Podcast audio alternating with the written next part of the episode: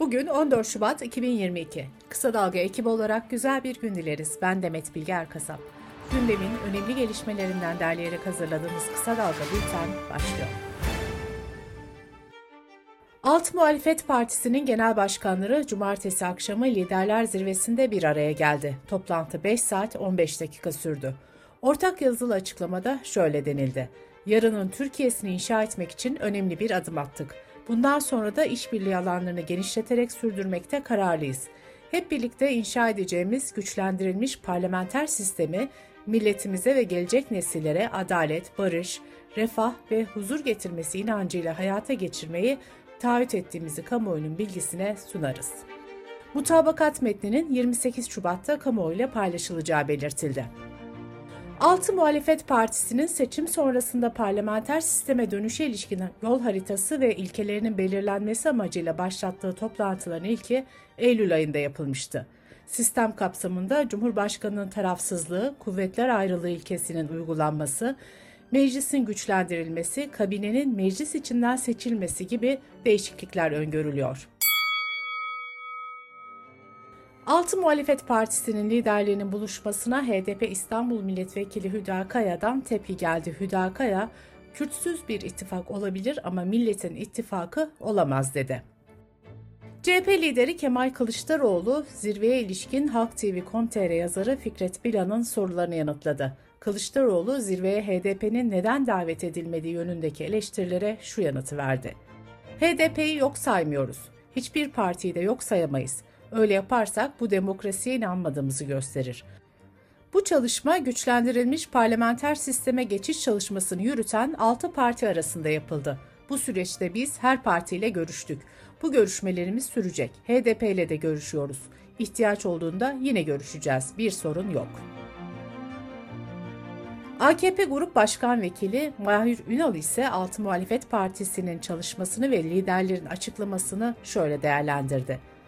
Altı Muhalefet Partisi lideri bugünkü siyasal varlıklarına Cumhurbaşkanlığı hükümet sistemine borçlular. Masanın başına nasıl oturacağı konusunda karar vermeleri iki hafta süren bir akıl Allah aşkına Türkiye'yi nasıl yönetecek? Mahir Ünal, CHP lideri Kılıçdaroğlu'nun elektrik zamları geri alınana kadar faturasını ödemeyeceği yönündeki açıklamasını da şöyle değerlendirdi. Kanunlar önünde herkes eşittir. Ben ödemezsem benim de elektriğim kesilir. Yüksek Öğretim Kurumları sınavında bu yıldan itibaren ön lisans ve lisans programlarını tercihte 150 ve 180 olan temel yeterlilik testi ile alan yeterlilik testi baraj puanı uygulaması kaldırıldı. Eğitim sendikaları karara tepki gösterdi. Eğitim Sen Genel Başkanı Necla Kurul, baraj puanlarının kaldırılmasının yeni diplomalı işsizler yaratacağını söyledi. Eğitim İş Genel Başkanı Kadem Özbey ise yapılan değişikliği umut tacili olarak değerlendirdi. CHP Ankara Milletvekili Yıldırım Kaya da Devlet Bahçeli puanlar düşürülsün diye çağrı yaptı, YÖK emredersiniz dedi, tamamını kaldırdı diye konuştu. YÖK Başkanı Profesör Doktor Erol Özvar ise yeni sistemle ilgili şunları söyledi. Barajı kaldırarak puanı hesaplanılabilen öğrencilerin tercihte bulunma fırsatını onlara vermiş oluyoruz. Daha fazla sayıda öğrenciyi tercihte bulunabilme imkanına kavuşturmak istedik baraj puanını kaldırarak tercih havuzunda çok daha fazla öğrencinin olmasını sağladık.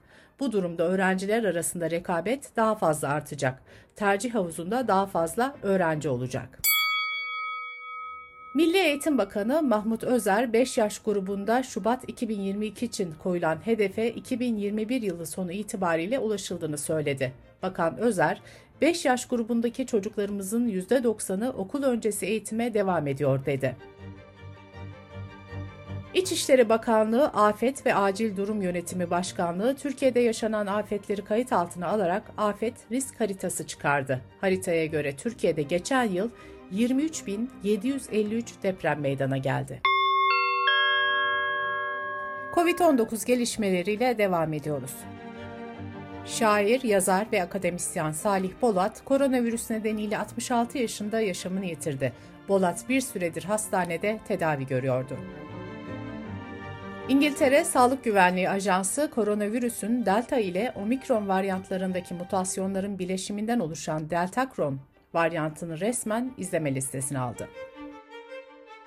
Avrupa'da normalleşme adımları devam ediyor. Belçika hükümeti omikron varyantının yayılmasını önlemek amacıyla uzun süredir yürürlükte olan önlemlerin büyük ölçüde yumuşatılmasına karar verdi. Belçika'daki gece kulüpleri 18 Şubat'tan itibaren kapılarını yeniden açacak. Yiyecek, içecek sektöründe de saat ve kişi sınırlaması sona erecek. Norveç Başbakanı da COVID-19'un artık büyük bir tehdit oluşturmadığını ve kalan tüm virüs önlemlerinin ortadan kaldırıldığını açıkladı. ABD'li ilaç şirketi Pfizer ve Alman ilaç firması BioNTech 5 yaş altı çocuklara COVID-19 aşısı için ABD Gıda ve İlaç Dairesi'ne yaptıkları acil kullanım onay başvurusunu erteledi. Sırada ekonomi haberleri var. Cumhurbaşkanı Erdoğan'ın imzasıyla yayınlanan ve bugünden itibaren yürürlüğe girecek olan kararla temel gıda ürünlerindeki KDV oranı %8'den %1'e indirildi. İndirim yapılan bazı gıda maddeleri şunlar. Büyükbaş ve küçükbaş hayvanlar, kümes hayvanları, balık, yumurta, bal, yenilen sebze ve meyveler, kahve, çay, baharat, pamuk tohumu, yağlı tohum, un, nişasta, su ve soda. Türkiye'de Ocak ayında enflasyon oranı %48.7 olarak açıklanmıştı. TÜİK verilerine göre fiyat artışının en yüksek olduğu grup %68.89 ile ulaştırmaydı. %55.61 ile gıda ve alkolsüz içecekler, %54.53 ile de ev eşyası grupları ulaştırmadan sonra en yüksek değişim gösteren gruplar olarak kayda geçmişti. Ticaret Bakanı Mehmet Muş, gıda ürünlerinde KDV'nin %1'e indirilmesi düzenlemesinin amacına ulaşması için gerekli önlemleri aldıklarını söyledi. Bakan Muş, bugün itibariyle denetimleri daha da yoğunlaştıracaklarını açıkladı. Ziraat Mühendisleri Odası Başkanı Baki Remzi Su İçmez ise KDV indirimi olumlu karşılıklarını belirtirken üretimin devam etmesi için gübrede, yemde, mazotta, ilaçta, sulama suyunda kullanılan elektrikte de KDV indiriminin yapılması gerektiğini söyledi. Su içmez ayrıca mazotta özel tüketim vergisinin de kaldırılmasını talep etti. Kocaeli'nin Kartepe ilçesinde AKP seçim işlerinden sorumlu ilçe başkan yardımcısı Furkan Ali Kandaz, zamlı elektrik faturaları için kayıtsız kalamadım dedi ve dava açtığını duyurdu. Dış politika ve dünyadan gelişmelerle kısa dalga bültene devam ediyoruz. Rusya-Ukrayna gerginliği artarken Washington'ın önümüzdeki günlerde Rusya'nın Ukrayna'ya girebileceğine ilişkin uyarısının ardından ülkelerden vatandaşlarına Ukrayna'yı terk etme çağrısı geldi. Washington, Agit bünyesinde görevli Amerikan personelini de Ukrayna'dan tahliye etmeye karar verdi. Amerika Birleşik Devletleri'nin yanı sıra İngiltere, Danimarka, Avustralya, Letonya ve Estonya'da vatandaşlarını ülkeden ayrılma çağrısında bulunmuştu. Bu listeye Almanya da eklendi. Türkiye Dışişleri Bakanlığı da Ukrayna'ya ilişkin bir uyarı yayımlayarak vatandaşlarının ülkenin doğu sınır bölgelerine mecbur kalmadıkça seyahat etmemelerini istedi. Ukrayna Devlet Başkanı Zelenski ise işgal haberlerinin panik yarattığını söyledi. Zelenski şöyle konuştu. Bütün riskleri anlıyoruz, bunların var olduğunun farkındayız. Rusya Federasyonu'nun Ukrayna'yı işgal edeceği yönünde %100 güvenilir bilgi varsa lütfen bunu bizimle paylaşın. Şu an halkın en büyük düşmanı ülkemizde panik yaşanması ve tüm bu bilgiler sadece panik yaratıyor, bize yardımcı olmuyor. Bölgedeki gerilimi azaltmak için yürütülen diplomasi girişimleri hafta sonu da devam etti. ABD Başkanı Joe Biden, Rusya lideri Putin'le yaptığı telefon görüşmesinde Rusya'nın Ukrayna'ya asker göndermesinin ağır sonuçlara yol açacağını bir kez daha söyledi. ABD'nin Afgan kadınları, kız çocukları ve insan haklarından sorumlu temsilcisi Rina Amiri, Taliban'ın Kabil'de 29 kadını ve ailelerini gözaltına aldığını açıkladı.